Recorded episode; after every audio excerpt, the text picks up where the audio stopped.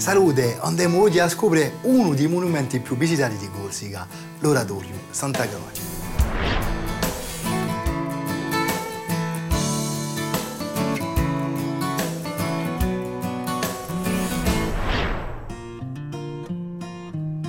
L'oratorio Santa Croce si trova tra la cattedrale Santa Maria e l'anziano ospitale cinuese, in un quartiere di cittadella, in Bastiglia, luogo più anziano di città.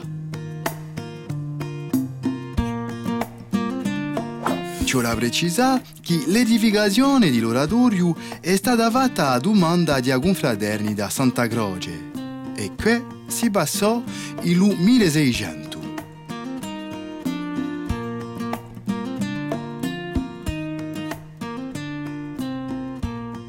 Sa confraternita sempre in attività oggi è la più anziana e la più importante di città. Di ella che ci stia dando l'ospedale accanto alla cappella. A mezzo all'altre confraternite, quella di Santa Croce è a sola ad avere un oratorio indipendente.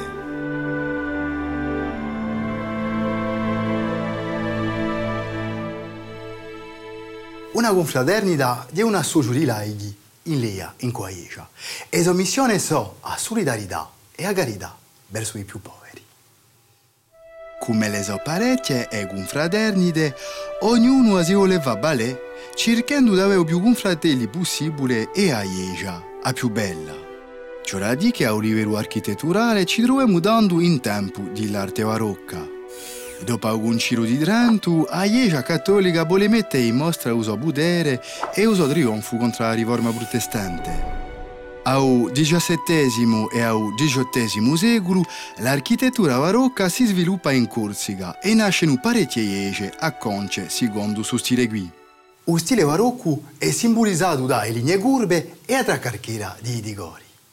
Lo scopo è di far nascere l'emozione. Ma voltemmoci a uno strolatorio Santa Croce. L'arte barocca è dunque innanzitutto un'arte pomposa. Pure questa particolarità non comparisca mica nella facciata nuda di Santa Croce. Ma quando l'uomo entra c'è da smiravigliarsi. E oltre fatte di stucco d'oro ne facciano stravere ai fedeli. Vediamo un po' i didai di Agapella. A Iecia è fatta con una navata unica, che i fedeli possono essere ubrede. Nanta i lati, e cappelle sono qui per il culto dei santi. Qui si vede la cappella di un crocifisso di miracoli, con Cristo Negro. E decorazione da qua non so mica d'origine, data nel XVIII secolo e so di stile barocchetto. Si vede dunque l'importanza data ai digori, ma canziamoci una stonda non tali elementi caratteristici di l'oratorio.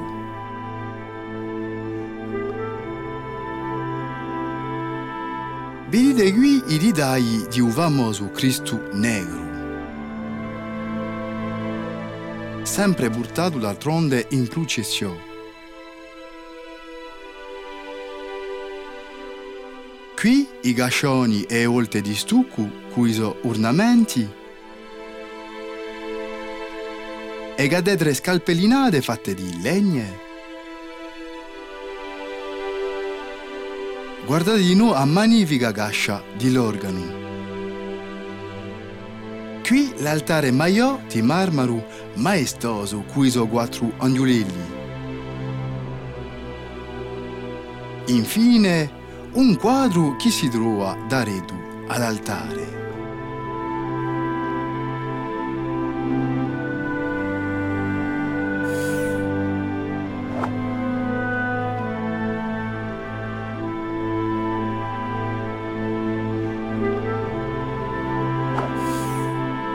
Tutti questi elementi magnifici portano lo sguardo in alto verso un medaglione al centro di volta su un medaglione che rappresenta Annunziata pare sostenuto da angioletti fatti di stucco.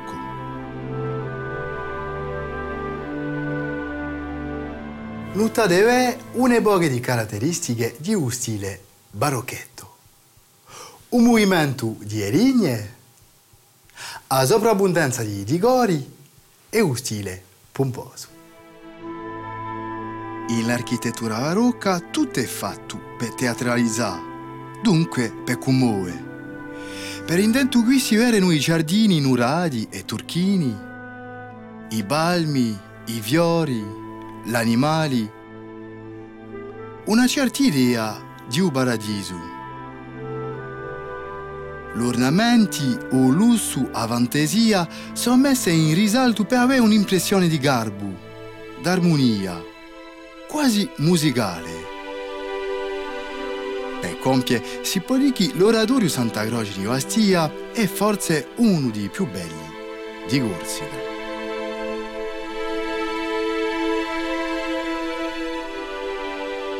Ramentiamoci un po' di ciò che ci la tiene a mente. L'oratorio Santa Croce è stato edificato nel 1600, il suo stile è piuttosto barocchetto e come il barocco, barocchetto è qui far nascere l'emozione. A presto!